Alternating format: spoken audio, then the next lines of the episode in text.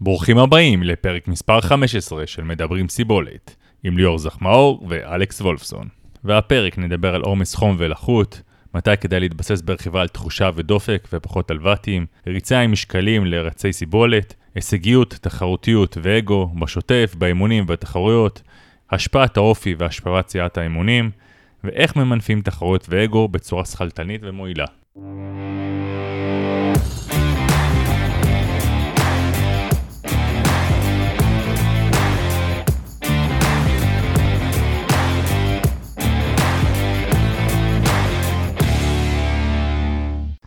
אהלן ליאור, מה נשמע? בסדר, אלכס, מה, מה קורה? שמע, כבר uh, יותר טוב, יותר טוב, למרות שעם כל המצב, אתה יודע, אנחנו עדיין uh, עמוק בקורונה, אבל נראה שלאט לאט uh, לומדים להתמודד עם זה. אנחנו גם רואים את זה עכשיו uh, בחוץ, יש תחרויות שפתאום התחילו להתקיים למרות כל המצב. Uh, בואו קצת נדבר, בואו נעשה קצת סקירה לתחרויות האחרונות שהתקיימו, הולכות להתקיים בקרוב. אז uh, אולי נתחיל מטאלין, שממש uh, תחרות שהתקיימה ביום ראשון הזה. היו שם גם כמה ישראלים. אז אגב... איירון טאלין, איירון וחצי איירון באותו יום. נכון, כן. נכון. שאגב, יש לי משהו קצת מוזר להגיד על התחרות הזאת, כי מבחינת פרסומים, כמה ימים לפני, לא יודע, שבועות לפני, לא ראיתי כלום. לפחות, אתה יודע, בדרך כלל הם מפרסמים אצלם בעמודים הרשמיים. שום דבר. זה כאילו ניסו פה איכשהו אולי בשושו, אולי לקיים את התחרות הזאת, בגלל כל המצב, אולי רצו להיות אה, רגישים למצב. אה, קשה לי להאמין שזה פשלה של איירונמן בשיווק, אבל אה, עובדה שבסוף זה התקיים, נראה מהתמונות גם נראה שהם כולם היו שם מסכות, זה היה מסודר. היה לך שם מתאמנים, אז בוא אולי אתה תספר קצת, אתה מכיר את זה יותר טוב ממני. תראה, קודם כל, לאורך כל השבועות האחרונים אמרו שהתחרות מתקיימת בפייסבוק של טאלין וזה, אבל הם היו זהירים, לדעתי הם לא עשו יותר מדי רעש, כי הם פחדו שיקרה להם מה שקרה להרבה תחרויות אחרות שאמרו, אנחנו מתקיימים, מתקיימים, מתקיימים, ובסוף ביטלו. כן. אז התחרות, כל מיני אמרו שהם מתקיימים, היה חצי ומלא באותו יום. אה, טאלין במקור היה אמור להיות בתחילת אוגוסט, אבל במהלך הקורונה הם דחו בחודש, הם אמרו שהחודש הזה יכול להיות שהוא יעשה איזשהו הבדל. ובאמת נסעו כמה חבר'ה ישראלים. בהתחלה, האמת, כמה שבועות לפני זה עוד לא היה ברור אם ייתנו להם בכלל אה, להיכנס לטאלין. אה, בסופו של דבר אה, אמרו שייתנו להם להיכנס, הם עשו בדיקה בשדה התעופה, עשו בדיקה אפילו שם בתחרות, כשהם לקחו את הערכות. כן, וזו כאילו מדינה ירוקה, אז זה אומר שגם אם אתה נוסע לשם וחוזר משם, אתה עושה את הבדיקות, וכשאתה חוזר אתה לא צריך להיות בבידוד, נכון? גם, כן, uh... כן, להבנתי כן. Uh, זהו, אז היו שם לדעתי 14 ישראלים. אה, בסופו של דבר הייתה תחרות, אומרים שגם הייתה תחרות מאוד מוצלחת, גם היה מלא וגם חצי באותו יום. אה, וזהו, אתה יודע, התקיים איירון ראשון מזה תקופה ארוכה. אגב, במקביל, באותו סוף שבוע, בסוף שבוע האחרון, היה חצי במרוקו וחצי בפולין. אז זאת אומרת, היו שלוש תחרויות של איירון ברנד אה, באותו סוף שבוע. זה אומר שהסכר נפרץ כאילו, ואולי עכשיו נתחיל לראות עוד תחרויות מתקיימות. כן, אולי באמת לאט לאט, אה, אתה יודע, נראה יותר. למרות שעדיין אני מרגיש שהם מנסים באמת לשמור את זה בשקט כזה. אגב, אה, בטאלין גם ראינו את קינלה, שחזר להתחרות, נראה לי גם סיים מקום שני. כן. שזה גם היה די מפתיע שהוא פתאום הופיע שם. אה, אז אתה יודע, בטח גם נראה עוד מקצוענים בקרוב מתחרים, מתחרים גם בתחרות הבאות. אני באמת מקווה שזה, שזה ימשיך, נראה את זה לאט לאט חוזר, למרות שאתה יודע, עדיין יש את החשש הזה, שאתה יודע, עדיין יש את הקורונה, ורובנו, בוא נגיד לך ככה, אני לא יודע אם אני הייתי נוסע עכשיו אה, לתחרות עם כל המצב. שוב פעם, זה שיקול אישי, אבל uh, אני כן שמח שלאט לאט אני כן uh, רואה שהתחרות מתקיימות עם המצב. תראה, אני חושב שעוד פעם, כל אחד עושה את הבחירות שלו, אני חושב שלנסוע בשביל הכיף. אני לא בטוח שהייתי נוסע. אם הייתי רוצה לעשות איזו תוצאה מסוימת, והייתי מרגיש שאני בכושר מאוד טוב, והייתי רוצה לעשות אה, מיקום, סלוט להוואי, והייתי מרגיש שזו הזדמנות, אז הייתי נוסע, כי אז אתה נוסע נסיעה נורא משימתית, אתה לא נוסע בשביל הפאן כאילו במרכאות. אה, ואני חושב שבאמת חלק מהישראלים שנסעו, זו הייתה הסיבה שהם נסעו. אז uh, אתה יודע, אני לא חושב שזה כיף כאילו להסתובב בכל מיני מקומות שכולם מסכות ויש איזשהו סטרס באוויר. כן. אבל הם דווקא אומרים שבטאלין היה סבבה, אז uh, אתה יודע, יכול להיות שאנחנו סתם מסתכלים על זה מזווית לא נכונה. כן, לגמרי. Uh, גם uh, מבחינת, ה, אם כבר סלוט להוואי, אז הוואי זה באוקטובר הבא גם, נכון? כן. אז זה המון זמן עד, עד אז, אז uh, תכלס זה באמת הזדמנות מעולה, כי יש לך עוד מלא זמן להתאמן, ו... נכון. מגניב. טוב, אז מה, איזה עוד תחרויות? היה, היה את אליפות העולם בטריאטלון, בהמבורג. אתה יודע, שהיא הייתה under the radar ממש, כאילו ממש, under the ממש. radar, אפילו, כן. אתה יודע, לפני הפודקאסט, אה, פתאום הזכרת לי את זה ואמרתי לך, מה, באמת? כן, היה. תראה, ה-ITU הודיעו שיש תחרות בהמבורג, היה מרחק ספרינט, ואז פתאום איזה שבוע, שבועיים לפני התחרות, הם הודיעו שזה אליפות העולם. אתה יודע, זה כאילו אליפות העולם בהפתעה. אה, הייתה אליפות העולם. אה, אה, ניצח, לדעתי, בגברים וינסנט לואיס, ובנשים, וואי, אני לא זוכר כרגע את השם, אבל לא מישהי מה... לא קטי זפירס ולא פלורה דאפי, כלומר, לא המועמדות אה, הצפויות. הכי רלוונטיות, Mhm. כאילו, שכולם מכירים. זהו, אתה יודע, הייתה תחרות כזה מתחת לרדאר, רק מקצוענים, מסלול חדש, כאילו ספרינט. שחר שגיב היה שם, הגיע מקום 16, היה מעורבב, היה בדבוקה, ראיתי סרטון יוטיוב של ריצ'רד מרי, אז ראיתי שם את שחר שגיב הרבה מופיע ברכיבה. כן, זה אה, יפה, כבוד. יפה מאוד, יפה מאוד, יודע, הוא גם מתקדם לאורך השנים, יפה מאוד, כל הזמן, יודע, אנחנו רואים את זה. לגמרי, לגמרי. אה, במקביל, אה, אתה יודע, גם יש את הטור דה פרנס, שזה תחרות למקצוענים בלבד כמובן, גם, והטור קורה, אנחנו היום אה, מקליטים, אה, בשעות האלה יש stage, stage מישורי, אנחנו אתמול היה יום חופש. היום זה stage 10 נראה לי? אה? יכול להיות, כן, stage מישורי. אה, הטור קורה, אה, אתה יודע, מעניין. אה, בינתיים אה, טור פתוח, טור מעניין, אה, עם גיא ניב, שבינתיים לדעתי רוכב סבבה. ו... כן, כן, הוא מחזיק סבבה עד עכשיו, באמת, אה, אתה יודע, נראה שבאמת בהתחלה, לפחות ממה שקראתי, היה לו התחלה קצת קשה, במיוחד ביום הראשון, היה שם מלא התרסקויות, המזג אוויר היה על הפנים, אבל נשמע שהוא נכנס לקצב, הוא דווקא סבבה לגמרי עכשיו. כן, כן, כן. אה, הספרטטלון התבטל, הספרטטלון ביוון שהיה אמור לקרות בספטמבר, סוף ספטמבר, וכל הזמן אמרו, קורה, קורה, קורה. ממשלת יוון החליטה, אין אירועים, לא קורה, אז אה, כל מי שרשום מהישראלים קיבל אוטומטית הזמנה לשנה הבאה. שמע, איזה באסה, אתה יודע, אני אומר, אה, הרי, אתה יודע, התחרות הזאת, אתה רץ כל כך הרבה שעות, ה- את ההכנות כל כך אה, מייגות וקשות, ואז אתה, שאתה בטוח שזה הולך- הולך להתקיים, אתה מקבל את הבומבה הזאת. אני וואו. יכול להגיד לך לא שבמאני טיים, מהמם. אריאל עשה אה, שבעה שבועות שבהם הוא רץ 1,500 קילומטר. וואו, תעשה את החשבון לבד, 1,500 לחלק לשבע, מעל 200 קילומטר בשבוע, אוקיי? וואו. כן. ואני בטוח שגם, אני לפחות זוכר משנים קודמות, האימונים האלה גם בחום, ואתה יודע, שעות על גבי שעות שהוא בחוץ. אה, אתה יודע, לקבל את הבשורה הזאת, זה בהחלט לא נעים. לגמרי, לגמרי. כן. אה, זהו, גם האפיק התבטל, ובמקביל אה, אמור אה, להתרחש, להתקיים בעוד שבועיים וחצי מרתון איילה, אה, מרוץ אופני הרים, שהוא בעצם הולך להיות אליפות הארץ במרתון אופני הרים. ש- שזה היה מראש מיועד להיות אליפות הארץ? במקור, במקור לא, אבל הוא הפך להיות אליפות הארץ, האמת שזה אמור להתקיים במאי, כאליפות הארץ, מהמם. אבל אה, כמובן זה לא התקיים במאי, וזה נדחה לספטמבר, וזה אמור להתקיים עכשיו עוד שבועיים וחצי. ומבחינת המתכונת שזה מתקיים, הכל זה לחלוטין, או שגם יש שינויים? שינויים קלים, אתה יודע, מבחינת שיטת הזינוקים וכל מיני פרוצדורות, אבל, אבל התחרות לכשעצמה אמורה להתקיים uh, כרגיל. Uh, ואני מקווה שזה פתח לזה שנראה עוד תחרויות מתקיימות בארץ. אתה יודע, יש את uh, גן שמואל uh, עוד חודש uh, וחצי. Uh, למרות שאתה יודע, החגים אה, מתקרבים, ועם החגים יש כל מיני עוד פעם שמועות על סגר, ושוב פעם האי-ודאות הזאת. אז בוא נגיד ככה, אם הם אה, ביטלו את האפיק, אני באמת לא... כבר, כבר קשה, קשה להגיד אה, באמת מה יהיה. נכון, תראה, היה אמור להיות טריאטלון אשקלון ביום שישי הקרוב, והוא בוטל. כי, כי אשקלון היא עיר אדומה או משהו כזה, אני לא מבין בכל הצבעים האלה. מהמם. אבל uh, באמת אי אפשר לדעת. בקיצור, אי אפשר לדעת, תראה, אליפויות הארץ, אמור להיות אליפות הארץ בטריאטלון השנה, אמור להיות אליפות הארץ בכביש, אמורה להיות באילת השנה, יש אליפות הארץ בנגש, כלומר, אה, אתה יודע, מרתון ירושלים שהיה אמור לזוז אה, לסתיו, כמובן התבטל. קיצר, חוסר הוודאות נמשך.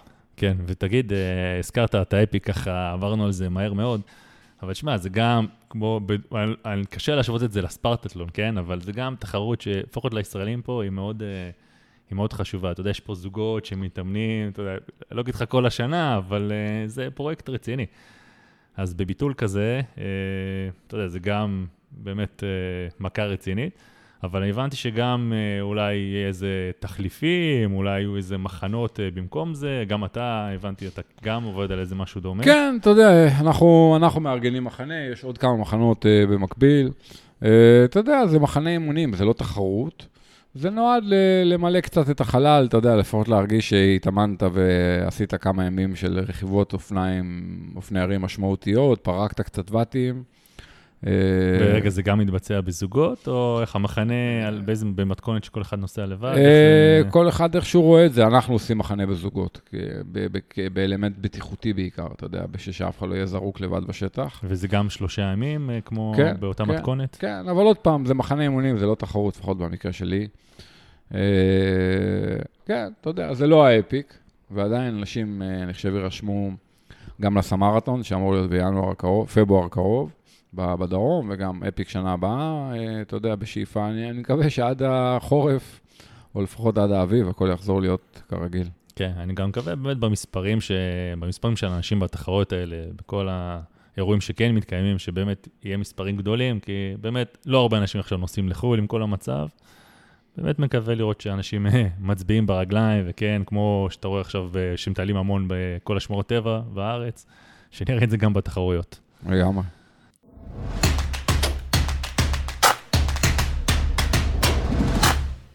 בימים האחרונים היה באמת עומס חום.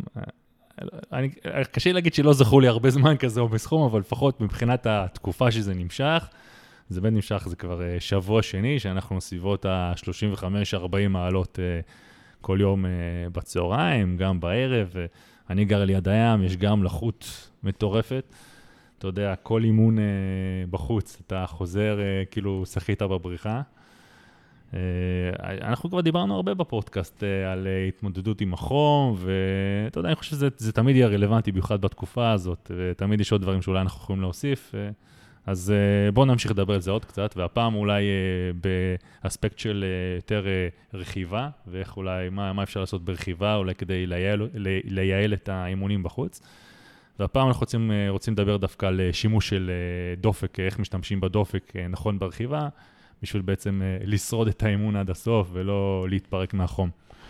כן, תראה, קודם כל, הגל חום הנוכחי הוא שונה קצת מגלי חום אחרים בזה שיש אה, טמפרטורה מסוימת ויש ריל פיל מסוים שהוא לפעמים הרבה יותר גבוה מאשר הטמפרטורה על השעון. אה, אם בפנים הארץ הטמפרטורות גבוהות, נגיד סתם בבקעה, בערבה, אז כמובן שזה 40 מעלות, בין אתה יודע, באילת, ים המלח. אבל אה, במישור החוף היו הרבה ימים שזה לא 40 מעלות, אבל הריל פיל הוא 40 מעלות. כלומר, כן. בגלל שיש 80-90 אחוז לחות. ולפעמים אם הלחות מייצרת עומס על הגוף, שהוא מאוד מאוד מאוד משמעותי, ואנשים לא מעריכים עד כמה. אתה יודע, אנחנו מדברים פה על ה-Y, ה-Y, הטמפרטורה על הנייר היא לא כל כך גבוהה, אבל בגלל הקרינה של השמש, ההחזרים מהלבה והלחות, הריל פיל הוא מטורף. זאת אומרת, יכול להיות לך 30, 32 כאילו על השעון, אבל הריל פיל הוא 40. כן. והריל פיל הוא מה שקובע, והריל פיל באמת הלחות מאוד משפיעה, וזה מה שקורה בימים האחרונים.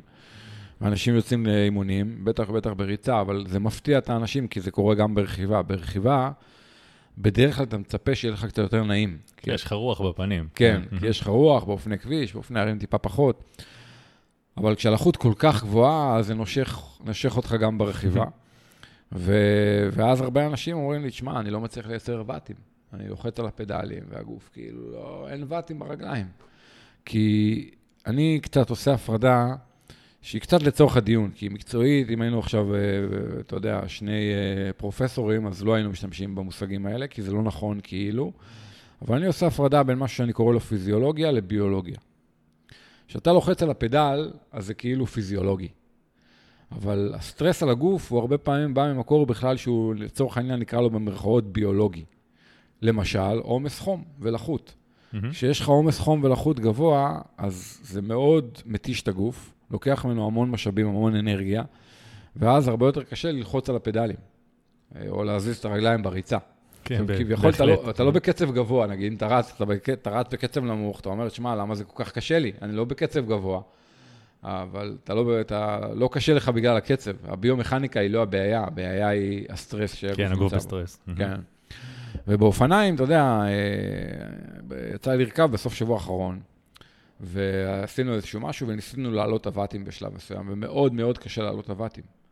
עכשיו, למה קשה לעלות אבטים? כי הגוף, אתה בעצם מגיע למצב שהוא קצת מכת חום וקצת התייבשות. עוד פעם, זה לא מכת חום וזה לא התייבשות, אבל אתה איפשהו על קו הרצף. מהמם.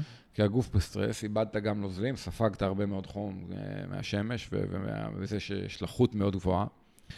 ואז אתה מאוד מתקשה להוציא ואטים, למרות שאתה כאילו ברגליים מרגיש בסדר. כלומר, אתה לא מרגיש שיש לך איזה בעיה ברגליים. מהמם. ובשלבים האלה אני מתבסס הרבה יותר על תחושה ועל דופק. קצת בשיטת ה... בשיטה הצבאית המחמיר קובע. זאת אומרת, לפעמים בסיטואציות כאלה, אם אתה מנסה לרכוב לפי ואטים, אז אתה הורג את עצמך. אין, אתה לא לא תשרוד את הרכיבה הזאת, זה בטוח. כן. כן, מהמם. אתה, אתה גם לא מצליח, כן. וגם אם אתה מצליח, לא בטוח לאן תגיע. כן. ולכן אני הרבה יותר מסתכל על דופק. בגלל זה, אתה יודע, אנחנו מדברים על זה הרבה, שאנשים מאמצים טכנולוגיה, ואז זונחים את הטכנולוגיה הקודמת. בעוד שאני לפעמים אומר, רגע, אל תמהר לזנוח את הטכנולוגיה הקודמת, יכול להיות ששווה להמשיך להשתמש בה במקביל לטכנולוגיה החדשה. במיוחד אם היא עובדת. במיוחד אם היא עובדת. והוואטים והדופק זו דוגמה טובה. אנשים כאילו בשנים האחרונות, כולם שמו מדי ואטים על האופניים, ואחרי זה גם על האופני הרים. אז הפסיקו לרכב עם דופק, אמרו, טוב, לא צריך יותר דופק, יש לי ואטים. מהמם. אבל ביום שישי האחרון, למשל, רכבתי בשטח. שמע, באיזה שלב הוואטים לא היו רלוונטיים. אבל הקושי כן. הסובייקטיבי והדופק היה מאוד גבוה. אני רוכב על מעט מאוד ואטים, והדופק שלי מאוד גבוה. מקצועית זה נקרא decoupling, שהפער בין הוואטים הולך וגדל, אבל... אה, ואז אני משתמש הרבה יותר בדופק. כאילו, אני משתמש בדופק הרבה יותר כגורם מקביל וגורם מווסת וגורם שהוא מנחה אותי, מאשר הוואטים. כי הוואטים מפסיקים להיות ות- רלוונטיים. ותגיד, מה- ומה עם ה... אני מניח שבסופו של דבר יש גם את התחושה הכללית שלך, איך אתה מרגיש. אתה יודע, אני מניח שכמובן אם הדופק שלך גבוה, אתה כנראה גם תרגיש בסטרס, אבל... אה, אז באמת אולי פה זה בא ביחס ישר, בשונה אולי מהוואטים. אבל אה, אני תוהה אם, אה, אתה יודע, זה לפעמים יכול להיות לא נכון מה שאתה אומר. אה, עוד פעם, אין פה עניין של נכון ולא נכון, זה לא דיכוטומי. אני תמיד משתמש באופניים בשלושה פרמטרים במקביל. תחושה, תמיד קודם כל תחושה. עזוב רגע מספרים, עזוב טכנולוגיה, ואטים, דופק, אה, קודם כל תחושה. אחרי זה, ואטים ודופק. ככל שהתנאים יותר קשים, כלומר מבחינת חום ולחות, אני הרבה יותר מסתכל על הדופק. וקצת פחות מסתכל על הוואטים. כלומר, אני נותן לי יותר לדופק משקל באופן שבו אני מתנהל. כן. לזה אני מתכוון. ובסוף שבוע האחרון הייתה דוגמה טובה, כי עוד פעם, לנסות לעשות אימון על ואטים מאוד גבוהים בחוץ היה מאוד קשה, אה, בטח לאורך זמן, והדופק היה הרבה פעמים מאוד גבוה, הרבה יותר גבוה מה, מהדופק הרגיל שאתה רואה בוואטים X, נגיד כן. סתם מישהו נסע, ניסה לרכב על, לרכוב על נגיד 80 אחוז, או IF 08. והוא נגיד רוכב על 0.8 ביום-יום, והוא בדרך כלל דופק נגיד סתם 140. פתאום הוא היה על 160. וואו. אז וואו. אתה יודע, בן אדם כזה, הוא יתעקש על ה-0.8 הזה, והוא ירכב על 160, אם זה שעה, שעה וחצי, שעתיים, נניח שהוא ישרוד, אבל אם זה יותר, לא בטוח שהוא יגיע רחוק. ולכן, אתה לא יכול להתעלם מהדופק ולהגיד, טוב, אה, תשמע, זה הוואטים שלי, אז אני רוכב על הוואטים, אני לא שם לב לדופק.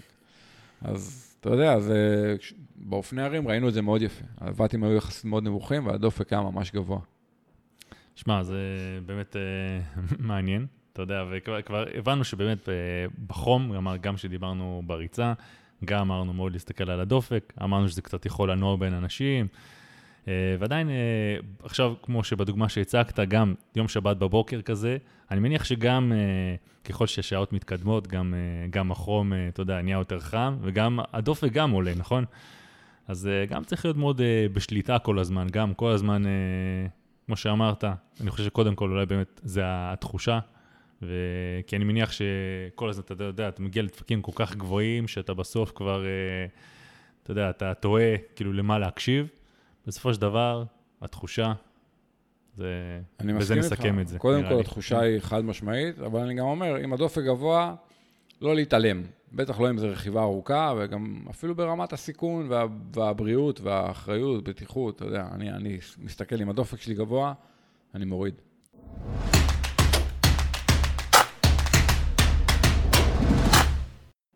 יצא לי בכמה ימים האחרונים, שבועות האחרונים, לראות, אה, אני אוהב אה, לראות כל מיני סרטונים ביוטיוב, אה, סקיורת נעליים, כל מיני, במיוחד של רצים, בדרך כלל סוקרים את הנעליים האחרונות. ואני רואה בזמן האחרון איזו תופעה שחוזרת על עצמה בין מספר אנשים, שנראה שבמיוחד רצי אולטרה, הם רצים עם משקל על הרגליים. נראה שהם שמים משקולות על הרגליים ויוצאים לארוכה שלהם עם המשקולות. לפי מה שאני מבין, זה כביכול מדמה ריצה יותר ארוכה, מוסיף יותר עומס לגוף. כן זוכר ש... שמעתי על זה הרבה פעמים בעבר, ונראה שזה די נזנח, כי אמרו שזה יכול לגרום לפציעות, ואני יודע שהרבה מאוד, הרבה זמן לא רצו עם משקולות, ופתאום אני, אני רואה את זה כמו תופעה שהיא חוזרת. אז איך אתה מסביר את זה? קודם כל, רוב התופעות חוזרות, אוקיי? יש בזה משהו. אתה יודע, דיברנו על צמיגים באחד הפודקאסטים, שפעם היינו רוכבים צמיגים צרים בלחץ אוויר גבוה, ועכשיו רוכבים אה, צמיגים רחבים בלחץ אוויר נמוך. חכה עשר שנים ותראה שנרכוב עוד פעם עם לחץ אוויר גבוה ועם צמיגים צרים. כלומר, הדברים קורים בצורה מעגלית. כן. כל עשר, עשרים שנה חוזרים על הדברים שפעם היו באופנה, ויצאו מהאופנה וחוזר, וחוזר חלילה. נכון. הריצה עם משקל, אתה יודע, זה לא משהו חדש. אני זוכר כשאני התאמנתי באוסטרליה, היינו רצים קצת עם משקל. Uh, המאמן שלי עוד פעם בזמנו באוסטרליה נותן את זה רק לחבר'ה הצעירים, לחבר'ה החזקים. רגע, תסביר, אה, רצים משקל, מה זאת אומרת, אתה שם, אה, ראיתי כל מיני וריאציות, ראיתי אפודים, ראיתי משקולות כאלה שאתה סתם עוטפות לך את הרגליים למטה מתחת לתאומים, איזה משקולות? אני מדבר על תיק. תיק? תיק עם משקל, כן. אה, ממש תיק, תיק כן, על הגב. תיק עם משקל, כאילו נגיד כמו תיק מים כזה, אתה יודע, תיק שאנחנו רוצים עם שקית שתייה או עם בקבוקים. אז א', אתה יכול לשים שקית שתייה בקבוקים, אבל אם אתה חושש שאתה תשתה את המים והמשקל ירד, אז אתה שם בפנים דברים אחרים, אתה יודע, תמלא שק חול, תשים בתיק, כן. תרוץ, אתה יודע, שניים, שלושה, ארבעה קילו. אז אני אומר, זה לא משהו חדש. אני אומר לך שבאוסטרליה עשינו את זה, שאני מדבר איתך לפני 15 שנה. Uh, המאמן שלי בזמנו באוסטרליה נותן את זה רק לאנשים מאוד מסוימים, חזקים, צעירים וזה, כשרצו לשפר את הריצה. אין ספק שביומכנית יש לזה הרבה יתרונות, כי אתה בעצם מעלה את העומס. לצורך העניין, כמו שנגיד שאתה רץ בעלייה, אתה מעלה את העומס הביומכני, אז גם פה אתה מעלה את העומס הביומכני. אה, אז יש בזה היגיון, ברור שאתה תחזק את הרצועות, הגידים, את השרירים, ואתה יודע, כאילו, אחרי זה גם כשתוריד את המשקל, אתה פתאום תעוף. זה כמו לרוץ עם נעלי אימונים כבדות, כן, מה כן, שדיברנו כן, בפודקאסט כן. הקודם. אבל הסיכון לפציעות הוא מאוד גדול. אני, עוד פעם, אני מדבר על תיק, למרות שלשים משקולות על הרגליים, כמו שתיארת, נגיד בתאומים וזה, העיקרון הוא שונה, אך דומה. יש לך נעל יותר כבדה. כן, נעל יותר כבדה. לא, פה אתה שמת כאילו את המשקל, כן.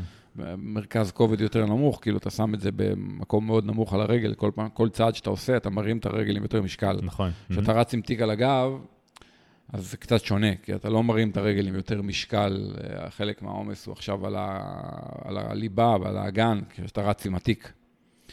אז זה קצת שונה, אבל המטרה היא די דומה בסוף, להעלות את העומס, ואז כאילו כשאתה בת, אחרי זה בתחרות מוריד את העומס הזה, אז כאילו אתה תרוץ יותר מהר. אבל הסיכון לפציעות הוא די גדול. כלומר, אני לא חושב שזו שיטה רעה בהכרח, אני חושב שזו שיטה שהייתי מאוד מאוד מאוד נזהר ממנה. עושה אותה אולי בצורה מאוד מבוקרת, עם אנשים מאוד מסוימים, על משטחים מאוד מסוימים. זאת אומרת, אני חושב של... אני אגיד בהכללה, ל-80-90 אחוז מהאנשים, ב-80-90 אחוז מהמצבים, זה נראה לי סיכון גדול מאוד. כשאני חושב על זה, אני כאילו מסכים איתך לחלוטין. מעניין אותי מאוד, אתה אגב, יש לך מתאמנים שנתת להם לרוץ ככה אי פעם? לא, אבל אני כן ממליץ לאנשים שמתאמנים לאיש ברזל לרוץ עם שקית שתייה על הגב בריצות ארוכות. גם כן, אני חושב שזה מאוד נוח, אתה יודע, זה, אני, אתה ואני מאוד אוהבים את זה, זה נכון. פותר אותך מכל ה... איפה אני אשתה ואיפה אני אשים את המפתחות של האוטו, ואתה יודע, לא יודע מה, ג'לים, עניינים. וגם, אני כן חושב שהשני שני ליטר האלה שאתה מתחיל איתם, אז יש לזה יתרון, כי אתה מתחיל נגיד עם שני ליטר על הגב, ואחרי זה לאט לאט המשקל קצת יורד, כי אתה שותה חלק מהנוזלים.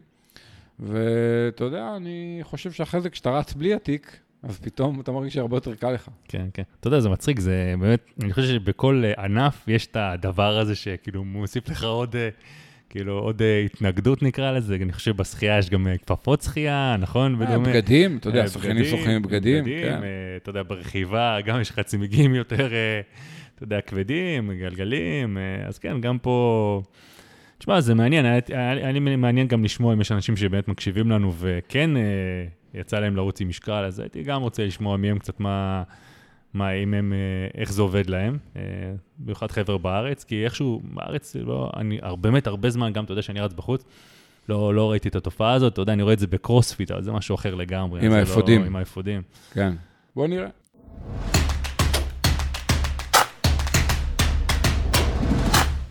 עכשיו אני רוצה לדבר איתך באמת על משהו שאפשר להגיד שזה תכונות שיש כמעט לכל ספורטאי, אה, אגו ותחרותיות, אוקיי? בוא, אתה יודע, זה לוקח אותי להרבה מקומות, ובאמת זה נושא עצום. אבל אה, בואו בוא קצת נתחיל לדבר על uh, מתי אגו ותחרויות, קודם כל נדבר על כל אחד בנפרד, אבל מתי, מתי בעצם זה, האגו והתחרותיות בעצם משמשים אותנו כספורטאים. ומתי הם פוגעים בנו. ומתי הם פוגעים בנו. האם, האם יש מצבים שהם פוגעים בנו. כן. אז... כאילו, רגע, לפני שאנחנו מתחילים, קודם כל, אגו תמיד uh, מצטייר לי כמשהו שלילי, mm-hmm. שאני, אתה יודע, שאתה יודע, אומרים לי אגו. Uh, תחרותיות, זה איפשהו באמצע, אתה יודע, אני יכול להתפרש כחיובי, כשלילי. עכשיו בואו נדבר על זה יותר לעומק. אז אני, אני לא חושב שאגו זה דבר רק שלילי, אני חושב שיש לו קורנט, אוריינטציה שלילית, קונוטציה שלילית, וגם בתחרותיות, עוד פעם, תלוי לכאן ולכאן. תראה, יש כמה מושגים שהם קצת טריקים, אבל בואו נתחיל דווקא עם מושג שלא... שפחות מדברים עליו, שאני קורא לו הישגיות, אוקיי?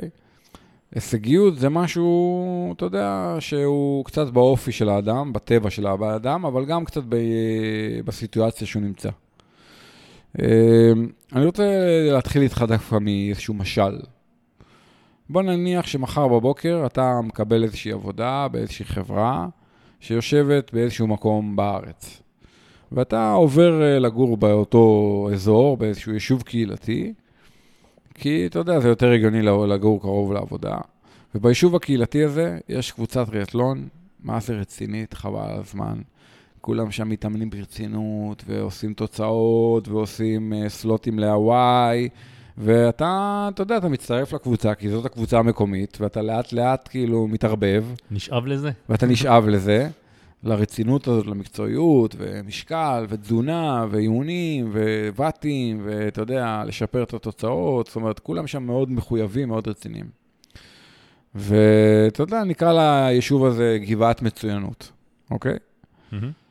ובמקביל, חבר שלך, שהוא לפני זה גר לידך והתאמן איתך ועבד איתך, הוא גם עושה רילוקיישן, והוא עובר ליישוב אחר, ששם יש איזו קבוצה שכולם שם כזה מתאמנים בכיף, עושים את זה יותר בשביל הקטע החברתי, לא לוקחים את זה יותר מדי ברצינות, אתה יודע, אבל נהנים ועושים תחרויות והכול נהדר. Mm-hmm. והם כזה, אבל אתה יודע, ברמה הם יותר אה, בינוניים כאלה, לא כאנשים, אלא כספורטאים. בואו נקרא לזה רמת בינוניות ליישוב הזה. Mm-hmm. עכשיו, אם נעשה ניסוי חברתי כזה, שתאורטית אפשר היה לעשות אותו, פרקטית זה מאוד קשה, היינו כנראה מגלים ששני אנשים שאולי התחילו מאותה אוריינטציה, ובאו, התאמנו ביחד, עבדו ביחד, היו חברים, אחד נשאב למקום X ונהיה סופר רציני, מקצוען כאילו במרכאות, והשתפר ועשה תוצאות מדהימות וזה. והשני, אתה יודע, לוקח את זה בכיף, אתה יודע, מצטלם, עושה סבבה, עושה תחרויות והכול נהדר. ומבחינת כאילו יכולת פוטנציאלית, שניהם אה, ובוא שקולים? נניח שהם, אה, אתה יודע מה, בוא נניח שהם תאומים זהים, בסדר? אוקיי, סבבה. אז יש להם אותה גנטיקה, והם אפילו עשו אותה תוצאה אה, לפני שהם נפרדו בטריאטלון אולימפי. זאת אומרת, הם יש להם אותה יכולת התחלתית. Mm-hmm. זאת אומרת, עכשיו, מה קרה? מה בעצם עשינו בניסוי החברתי הזה? בעצם הוכחנו שהסביבה היא גם מאוד משפיעה. גם האופי של הבן אדם, כמובן, והחינוך שהוא קיבל, אבל גם הסיטואציה, לאן, לאן הגעת, ואולי לפעמים קצת במקרה, ואיך זה לקח אותך לאיזשהו מקום שאתה לא יודע לאן היית מגיע אם היית הולך למקום אחר. קצת כמו בסרט המפורסם, דלתות מסתובבות, שמספיק שאתה יודע, יצאת מהמסעדה שנייה לפני, שנייה אחרי, וכל החיים שלך הסתובבו והשתנו לגמרי. Mm-hmm. וזה מביא אותי לדבר רגע על אה, כל, כל נושא ההישגיות, קודם כל, כי הישגיות זה, זה אתה מול עצמך. האם אתה באופי שלך, בהקשר הספורטיבי של התחביב, נגיד, אה, ריצה, מרתון, אולטרה מרתון, אופניים, אופני הרים, אפיק וזה, או איש ברזל, לא משנה, כאילו, בכל הספורט ציבולת. האם אתה באופי שלך, בן אדם הישגי, שרוצה להיות אה, בתוצאות מסוימות, חולם להיות על הפודיום באיזושהי תחרות, חולם לעשות אה, סלוט לאנשהו, קריטריון כן, אני מניח שזה לספרטטלון. גם, אה, אני מניח שזה גם אה, לסיים תחרות מסוימת, אני מניח שזה גם אה, לסיים אתגר מסוים, אה, לבצע אותו. אה? כן, כן. אה. או האם אתה אומר, לא, אני טוב לי ככה וזה, זאת אומרת, וזה הישגיות, זה עוד בכלל לא לפני התחרותיות, כי זה אתה מול עצמך. תחרותיות, תכף נדבר על זה, זה אתה מול הסביבה. כלומר, מישהו שהוא תחרותי, הוא רוצה לנצח בכדורסל, בשש בש, או בטריאטלון. אתה מבין מה אני מתכוון? כאילו, הוא, הוא, הוא תחרותי באופי, שזה מה שמספרים תמיד על, על לאנס אמסטרונג, על מייקל ג'ורדן, על אה, טייגר וודס, כלומר, כל הספורטאים הכי טובים בעולם. תמיד מספרים, "וואו, הוא היה תחרותי מגיל אפס, הוא לא היה מוכן להפסיד, הוא בכה שהוא הפסיד, הוא, אתה יודע, כאילו, כל הסיפורים האלה, שחלקם כנראה נכונים וחלקם זה סתם כן, אגדות. כן, כן, כן. ו... אז אני אומר, קודם כל יש את העניין של ההישגיות, ואני מאוד מעודד הישגיות ב- בתחביב. עוד פעם, למי שמדבר אליו, שזה לנסות להיות הגרסה הכי טובה של עצמך. במסגרת החיים והאילוצים, ולכולם יש, כל מי שספורטאי חובב, כאילו בסוף הספורט זה לא הדבר שהוא עושה, זה לא המקצוע שלו, אלא זה עוד משהו שהוא עושה. במסגרת הגנטיקה, במסגרת הגיל, במסגרת המגדר, כי אין מה לעשות, נשים בגדול הן יותר אה, איטיות מגברים ברוב הענפי סיבולת, במשהו כמו 10-11 אחוז דיברנו על זה. מהמם. וכמובן, אני לא מצפה ממישהו בן 60 להיות uh, טוב כמו מישהו בן 30, זאת אומרת, יש פה גם עניין של גיל. אז במסגרת כל ההגדרות האלה, האם אתה רוצה להיות הגרסה הכי טובה של, של הפוטנציאל הפיזיולוגי שלך וכדומה, או שאתה מסתפק ב... לעשות את התחרות, לסיים אותה וכדומה. אז, אז זה קודם כל, זה הישגיות, אתה מבין? זה עוד לפני שבכלל דיברנו על, על, על אנשים אחרים, על הסביבה. מהמם. זה אתה מול עצמך, כאילו, אתה יודע, זה מה מדבר אליך. Uh, הרבה פעמים אתה רואה קורלציה בין הישגיות בחיים להישגיות בתחביב, אבל גם חלק מהפעמים אתה לא רואה קורלציה. אתה רואה אנשים שהם בחיים נורא הישגיים והגיעו לדברים מטורפים, uh, הרימו עסקים, הגיעו לעמדות בחירות בעבודה שלהם, לא משנה, כאילו עשו דברים אה, יוצאי דופן. ובתחביב הם לוקחים את זה יותר ברגוע, כי אומרים, עזוב, די, מספיק אני הישגי בעבודה, לא בא לי כן, כאילו... גם יכול להיות שבן אדם כל כך הישגי, נניח בעבודה, שאין לו זמן אה, להשקיע בתחביב, לך. תדע. כן, ואתה רואה מצבים הפוכים, שאנשים פחות הישגיים ביום-יום ובחיים וזה, ומאוד הישגיים בתחביב. אבל הרבה פעמים אתה גם רואה קורלציה די גבוהה. כלומר, אנשים שהם מאוד הישגיים באופ, באופי שלהם ובעבודה שלהם ובחיים שלהם וזה, הם גם מאוד הישגיים בתחביב. אז אי אפשר לעשות פה הכללה, אי אפשר נכון. לעשות פה להגיד אמירה חד משמעית, אבל זה תמיד מעניין אותי. אני, כשאני מסתכל על ספורטאים, אני, אני מסתכל מאחורי הגב שלהם, גם קצת על החיים שלהם, כי מעניין אותי לראות, מסקרן אותי לראות, כמה הם הישגיים בחיים, כאילו, וכמה הם הישגיים בספורט, ולהשוות בין, בין הדברים. עוד פעם, לא שיש לי איזה מסקנה לא, חותכת, זה מעניין, כן. אתה מבין? כאילו, אבל, אבל זה מעניין אותי תמיד. כן. על זה מתלבש התחום שנקרא תחרותיות. תחרותיות זה אתה כלפי הסביבה. כלומר, אה, תחרותיות זה שאני אומר לאנשים, אוקיי, מוכנים מכון צא. לא אמרתי שום דבר שקשור בתחרות, אבל אתה יודע, ברגע שאתה אומר מוכנים מכון צא, אתה יודע מה קורה, אוקיי? מה שנקרא, זה לא תחרות, אבל בוא נראה מי יגיע ראשון. בדיוק. כן. אז אתה רואה מי מאוד תחרותי. עכשיו, אופי תחרותי, וכנראה יש בזה משהו. כלומר, יש אנשים שיש להם יותר אופי תחרותי מאחרים, זה כנראה עניין של אופי שאתה נולד איתו, כנראה משהו שהנחילו לך בבית, בסביבה, אם היית ספורטאי בגיל צעיר, אז אתה יודע, ספגת את זה בספורט בגיל צעיר. מהמם. ו... ואז צריך לדבר על זה רגע במקרו, בשוטף כאילו, ובאימונים ובתחרויות. במקרו, אתה יודע, להיות תחרותי, אני לא חושב שזה דבר תמיד רע. כי אם אתה תחרותי, ואתה עכשיו חולם בעוד שנה לעשות, לא יודע, ישראמן, ספרטטלון, ווטאבר, אפיק, אז אתה אומר, וואלה, אני עוד שנה רוצה לנצח את האלה והאלה, אז עכשיו אני צריך לקום בבוקר להתאמן, ואני צריך להקפיד על התזונה, ואני צריך... עכשיו, מה שמניע אותך, אולי זה לא המניע האופטימלי, שהייתי בוחר אם הייתי כפסיכולוג ספורט או כמאמן, אבל זה עדיין עובד לך.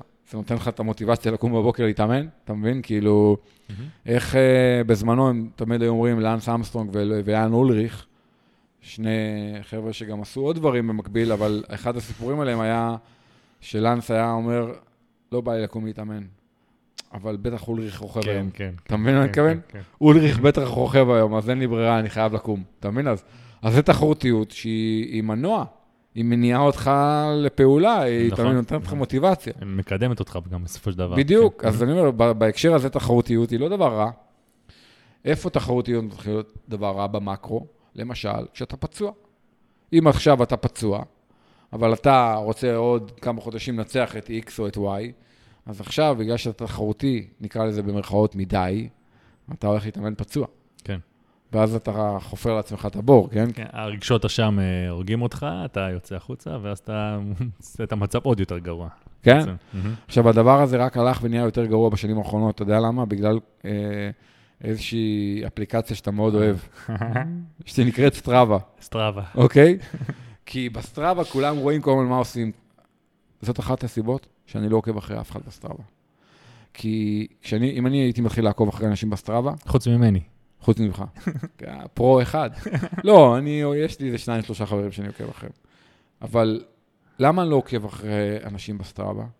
כי זה גורם לך, לפעמים, נגיד, סתם להתאמן אם אתה פצוע. אם עכשיו אתה נכון, הולך נכון, לישראמן, נכון, נכון. או לאיזושהי תחרות, לא משנה, מרתון, אולטרה מרתון, ואתה רואה שכל החבר'ה מסביבך, שאתה אמור להתחרות איתם, הם מתאמנים, ועכשיו אתה כואב לך הברך, אתה תגיד, שמע, בוא'נה, הוא עשה ככה, וואו, הוא עשה ככה, וואו, שמע, אני חייב לקום לרוץ. זה מלחיץ אותך, אין מה כן. לעשות. בדיוק, וזה גורם לך להתחיל לקבל החלטות לא טובות. השיקולים שלך מתחילים להיות לא טובים. כי אתה מתחיל להתאמן בגלל הלחץ של מה הוא עשה ומה הוא עשה. זה, אתה, אתה יודע, זה גם שיקולים שיכולים להשפיע, להשפיע עליך פיזית, וגם אני כן רואה אנשים שזה גם משפיע עליהם מנטלית, הדברים האלה. אז זה גם אה, נכון? מכל הבחינות, אה, נכון, הלחץ נכון. הזה. אני מקשיב גם למקצוענים, תמיד מעניין אותי לשמוע מהמקצוענים שאני שומע רעיונות ופודקאסטים וזה, אה, מי מהם יודע מה אחרים עשו, ומי מהם אין לו מושג. בוא, בוא ניקח סיטואציה, בן אדם בא לאיזה תחרות, נגיד בארץ או בחו"ל, איזושהי אליפות, איזושהי, לא יודע, עוד רגע יש מרתון איילה, או אליפות הארץ בטריאטלון, בגן שמואל, בחצי איש ברזל. תחשוב, יש אנשים שבאים ואומרים, תשמע, אין לי מושג מה הוא עשה ומה הוא עשה, אני לא יודע אם הוא התאמן בחצי שנה האחרונה, כמה הוא התאמן. ויש אנשים שיודעים כל שנייה מה כל אחד עשה, כי הם עוקבים אחרי כולם בסטראבה. נכון, נכון. עכשיו, עוד פעם, דיברנו על זה, זה יכול להניע אותך להתאמן וזה, אבל זה יכול גם, אתה יודע, לגרום לך להיפצע ודברים כאלה. לחרפן אותך. כן, וגם בתחרות, אתה יודע, האם עדיף לדעת מה אחרים עשו, או לא, עדיף לא לדעת, אתה מבין מה אני מתכוון? נכון. כאילו, אתה יודע, סבסטיאן קינלה, שהיה אלוף העולם באיש ברזל, הוא אמר שהוא ניצח בתחרויות שבהן הוא, הוא בא בידיעה שהסיכוי שלו לנצח הוא לא גבוה, כי על הנייר, כאילו, המספרים שלו לא, לא מתחברים לכדי לא אה, הספיקו. מקום ראשון. מהמם. אבל הוא אומר, בפועל, אין, בתחרות אין נייר, יש תחרות, כאילו, ואני מאוד מסכים עם זה. ולפעמים בהקשר הזה, דווקא לא לדעת מה המתחרים שלך עשו, אולי זה יתרון, כי אתה, אתה לא נותן, אתה לא בא באיזו תחושה של, שמע, אין סיכוי. אתה מבין? כאילו, אני אישית באופי שלי, לא, לא באמת אכפת לי מה אחרים עשו. לא באמת, אני לא מתעסק בזה, אני לא מתעניין בזה, אני באמת אומר לך, אני מתחרה הרבה שנים, גם עכשיו בעידן הסטראבה, לא מעניין אותי לעקוב אחרי החבר'ה, כי אני גם חושב שזה לפעמים עושה נזק, וגם, אני אומר, תשמע, הוא התאמן, לא התאמן, זה גם הסטראבה, זה תמיד, הוא עשה drafting, לא כן, עשה drafting. אה, אני תמיד לוקח מה שאני רואה בס- בסטראבה בעירבון מוגבל. אף פעם לגמרי. אי אפשר לדעת, אני יודע איך אפשר לזייף את הדברים האלה. כל אחד אה, רוצה שזה ייראה טוב, אה, הכל בעירבון מוגבל. לגמרי. אז, אז זה תחרותיות במקרו. מהמם. עכשיו בוא נדבר רגע על תחרותיות באימונים.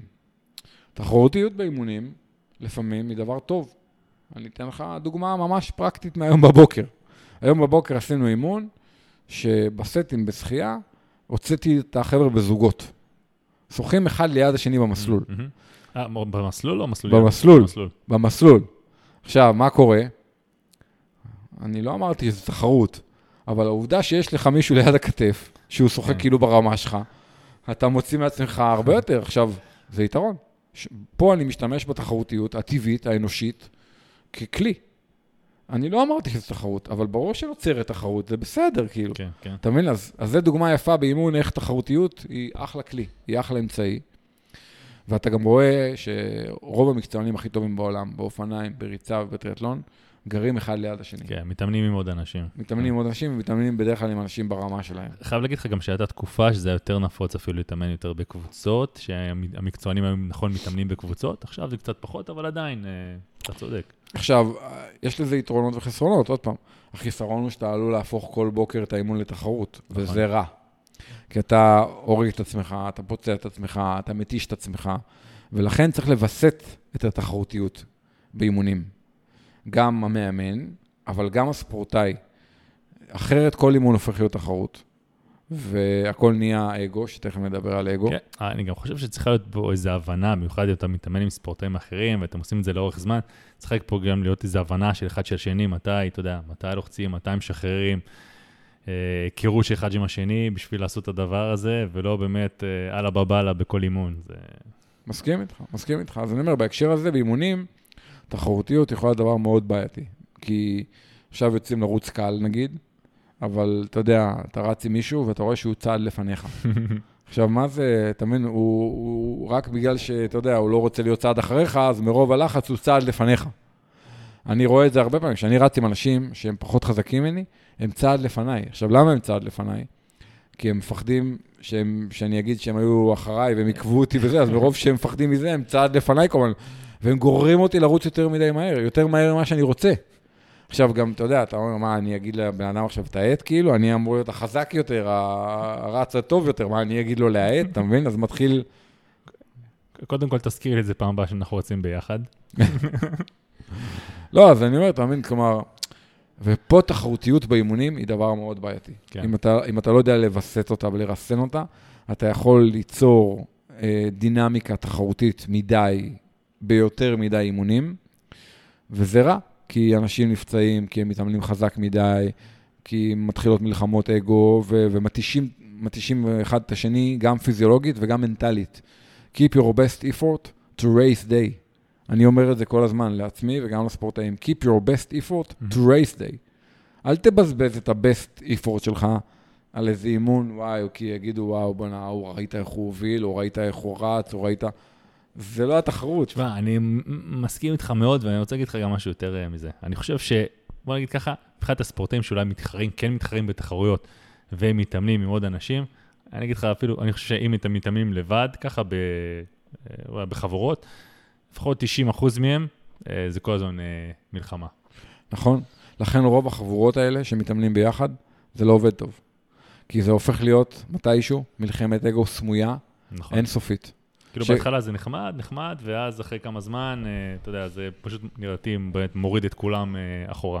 מסכים איתך במיליון אחוז. רוב החבורות, הן קצת הופכות להיות עדר ללא רועה, והן הופכות להיות מלחמת אגו סמויה, שבסוף הרכיבה או בסוף הריצה, מדברים במונחים, בואנה, ראית איך ההוא פירק אותו, ואיך ההוא כן, צנתר כן, אותו, כן. ומה הוא עשה לו, ומה... הכל הופך להיות, זה מושגים של מלחמה, זה לא מושגים של אימון. וכשכל אימון הופך להיות ככה, אתה נפצע, אתה מתאמן חזק מדי, וגם בסוף אנשים מתישהו רבים. נכון, כי, נכון. כי אתה יודע, נכון, נכון. מתחילות נכון. המלחמות אגו. ראיתי את זה פשוט כל כך הרבה פעמים כבר, שאתה יודע, אני... בוא נגיד ככה, המצב הנכון שאתה מדבר עליו, הוא מאוד נדיר. אוקיי? אני באמת לא יצא לי הרבה פעמים לראות, ככה שמתאמנים אפילו בזוגות, שזה נמשך לאורך זמן. אה, שוב פעם, אנשים שבסופו של דבר מתחרים דווקא, זה בעיקר אה, קורה שם. אז אני, יש לי מונח, אני קורא לו אגולס. אוקיי? אגולס זה כלומר להתאמן רוב הזמן בלי אגו. להתנהל רוב הזמן בלי אגו. אבל זה קשה, זה קשה. זה מאוד קשה. כי, כי זה בעצם אומר שעכשיו אתה אה, בעצם, אתה שם את הכסף שלך אצלי. אם אני עכשיו מאמן, ואני אומר לך, תקשיב, תתנהל בלי אגו חצי שנה, ותראה שבתחרות אתה תהיה חבל על הזמן. עכשיו בן אדם אומר, בוא'נה, אני לוקח פה הימור מטורף. כי חצי שנה אף אחד לא יגיד לי שהייתי מדהים באימון, והייתי תותח ואני מדהים, ואיזה הובלה עשיתי, ואיזה אינטרוול ואיזה זה, בשביל הסיכוי שאולי בעוד חצי שנה אני אהיה טוב בתחרות. אבל אם אני לא אהיה טוב בתחרות, אז גם בזבזתי חצי שנה שלא קיבלתי לייקים ואף אחד לא אמר לי שאני מדהים, וגם לא הלך לי בתחרות, אז יצאתי קרח מכאן ומכאן. עכשיו, נכון, זה לא כזה דיכוטומי, כן? זה לא שחור ולבן. אבל אתה מבין מה אני מתכוון? כלומר, אני אומר לאנשים, אתם רוצים לנצח אותי באימון? לכו על זה. בתחרות, יהיה לכם יותר קשה לנצח אותי. ברור שאם מישהו יותר חזק ממני, אז יש לו סיכוי טוב לנצח אותי. אבל באימון, לך על זה. בכל יום נתון, אתה רוצה לנצח אותי באיזה אינטרוול או באימון? אין בעיה, זה לא, מבחינתי זה לא התחרות. אני שומר את ה-best effort שלי לרייס, לרייס דיי. וזה, וזה, תחרותיות קשורה בהקשר הזה לאגו, ולא סתם אמרתי אגולס. כן, כן. אה, וזה מאוד קשה לנהל את זה. אני אומר לך, גם כמאמן, אני מאוד מנסה להנחיל תרבות שבה לא מתנהלים אגו, מתנהלים שכלתני, ואם יש סט שיש לו קצב מסוים או בתים מסוימים, עושים את זה בקצב ובבתים, ואם חורגים זה בטיפה ובטעות, לא בגלל שמישהו החליט לפוצץ ולהראות ולהוכיח וזה, זה לא הדרך להשתפר, בעיניי. אה, וזה מאוד קשה, אני, אני אומר לך, זה מאוד כן, קשה. אה, מאוד קשה, ואני גם חושב שיש פה איזו בגרות מסוימת אולי, שבאה אולי אפילו עם הזמן. אז אה, אני כן מבין איך אני, במיוחד אנשים שמתחילים, ובשנים הראשונות של זה, אז אני כן רואה, אתה יודע, הם חדשים, גם ההתלהבות, אה, אני כן מאוד רואה איך זה קורה. אני חושב שעם השנים, עם הזמן, אולי זה משתפר. אה, לפחות מבחינת התפיסה, יותר קל, אתה, אתה יודע, אתה יותר תופס את זה בפרופורציות, יש לך יותר ניסיון. אולי זה קצת פחות, אבל אני מסכים איתך לגמרי. שמע, זה גם, זה גם קשור קצת למה שאני קורא כלב גדול, כלב קטן.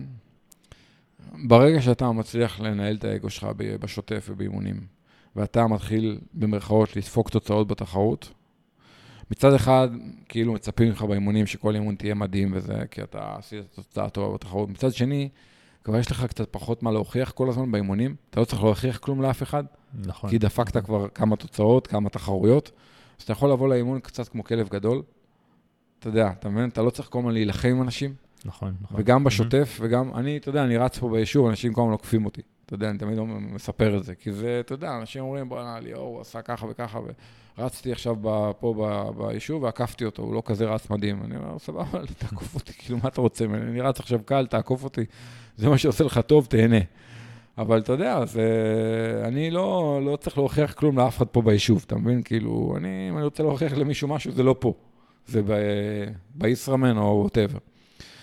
וזה, וזה מביא אותי לדבר רגע על אגו בתחרויות, כי זה גם קשור. מהמם. אגו בתחרויות, ב-80-90 אחוז מהזמן, במיוחד בתחרות ארוכה מאוד, הוא דבר גרוע. אגו ותחרותיות יתר, כאילו.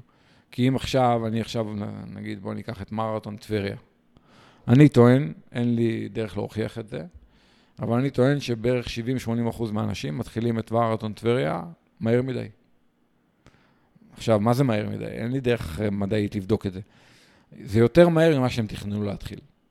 אתה מבין? נגיד סתם, עכשיו תיקח את האלפיים מזנקים במרתון טבריה, תעשה להם שאלון לפני זה, שעה לפני הזינוק, באיזה קצב אתה מתכוון להתחיל את חמשת הקילומטרים הראשונים. כל אחד שימלא.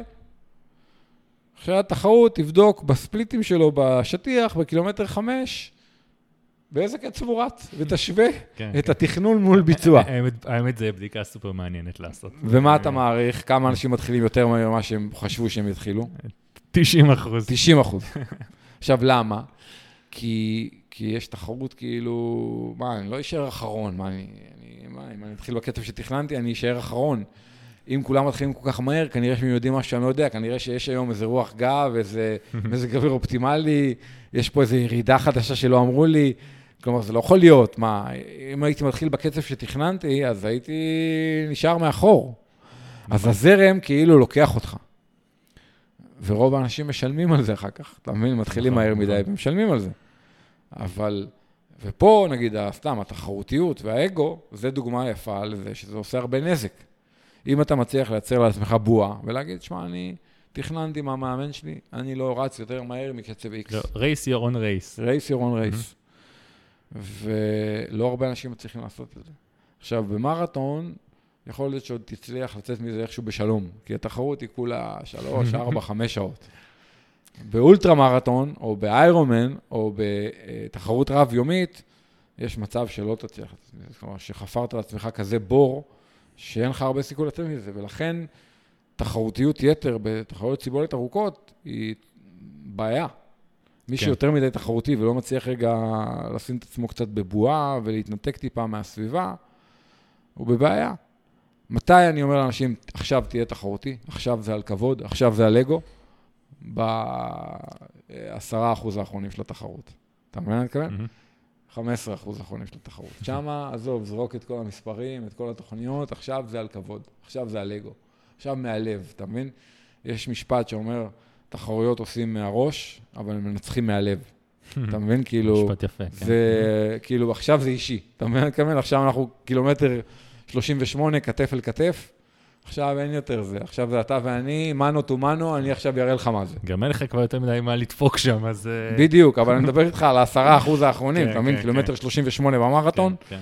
עכשיו זה אני ואתה, ראש בראש, אתה יודע מה, בוא נראה מי, מי מנצח. שלפי מה שאנחנו יודעים, בדרך כלל כשאתה מגיע כבר לקילומטרים האלה, בוא נגיד, לא, לא נשאר לך שם כבר יותר מדי אה, להגביר, בוא נגיד ככה. לא משנה, אבל אתה מבין, אני כן. אומר, שמה זה אישי. כן, אתה מבין? כן, כאילו... לחפור עמוק, אה, כן. כן, אתה. יודע, שמה זה אישי, אבל עד אז, אתה צריך להתנהל שכלתני, רגוע, שקול, מנוהל, לא אגו. אגולס. נכון, נכון, אבל לפעמים יש, אה, אתה יודע, אם, עוד פעם, אני לוקח את זה גם אם אתה תחרותי ואתה רוצה את הסלוט הזה, לפעמים אתה צריך אה, ללכת עם התחרות, ללכת עם הדבוקה. אה, עוד פעם, אני לא אומר שלא, אבל עד גבול מסוים, אתה יודע, כאילו, זה תמיד הימור, אתה יודע, אם עכשיו אני אחרוג לגמרי מהתוכנית, אה, האם זה ישתלם לי או לא, אתה יודע, זה נכון. תמיד שאלה. כי אתה יודע, אנחנו אומרים מישהו שאתה יכול, לפחות עושה לך מין הובלה, אתה יודע, אתה יושב עליו בדרפטינג חוקי, נניח בתחרות באיירון מן, אתה יוצא נניח טוב מהמים, אתה אחרי איזה מישהו שהוא לוחץ 10 וואט יותר ממה שתכננת לרכב. ללכת, ויכול להיות שיש לך אחד כזה שהולך להיות לפניך כל הדרך. אתה יודע, 10 מטר חוקי לפניך, אה, תלך על זה, לא תלך על זה, זה גם... אה, בסדר, אבל עוד זה פעם, כבר זה- שיקול אחר, כן, זה כן. כן, זו שאלה קצת שונה, כן, אבל כן. אתה מבין, זה לא שעכשיו איבדת את הראש והחלטת לפוצץ כי מישהו עקף אותך. נכון. זה תחרותיות, זה אגו, זה רע, אתה מבין מה אני מתכוון? כן. וזה מאוד קשה לנהל את זה ולשלוט בזה, וחייבים להתאמן על זה באימונים. אתה מבין? על השליטה העצמית, על הוויסות עצמי, על האגולס הזה. אם אתה לא מתרגל את זה באימונים ואתה לא מפנים את זה וזה לא הופך להיות חלק ממך, אין שום סיכוי שבתחרות אתה תצליח לעשות את זה. אז אני אגיד לך, אז אמרנו, אוקיי, אם אתה עכשיו uh, מתאמן עם עוד אנשים, אז אנחנו מבינים איך, uh, אמרנו איך אפשר uh, לתרגל את זה. אם אתה עכשיו לבד, זה קצת אפילו יותר אולי באיזשהו מקום בעייתי, כי. באימונים אתה כל הזמן לבד, פתאום בתחרות אתה מגיע, יש גם עוד אנשים סביבך. אז זה גם מין, uh, אתה יודע, uh, הופך, הופך את הכל, ואתה יודע, גם אתה כאילו מתלהב יותר, אולי אתה גם רוצה להוכיח יותר, יש פתאום אנשים סביבך. זה גם... Uh, אני מסכים איתך. אתגר רציני. מסכים איתך, ולכן אתה יודע דעתי. להתאמן רק לבד, זה לא טוב. להתאמן רק בקבוצה, זה לא טוב. צריך לעשות חלק מהאימונים לבד וחלק נכון, מהאימונים נכון. בקבוצה. ו... כן. אז באמת, אה, אנשים שמקשיבים לנו, אה, תחשבו עלינו בתחרות, כשאתם מתחילים תחרות, בזמן האינטרנט טריאטלון, בזמן הרכיבה, ת, תזכרו מה שדיברנו, זה יכול לעזור לכם. לגמרי.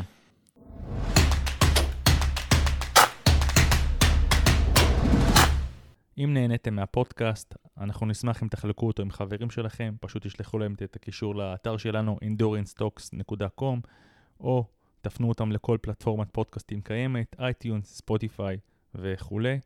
אם יש לכם שאלות, אתם מוזמנים לשלוח לנו אותם, אנחנו נעשה את מיטב המאמצים לענות עליהם כאן בפודקאסט. מה שלא נצליח לענות כאן, אנחנו מבטיחים לענות בפרטי. וזהו, עד הפעם הבאה.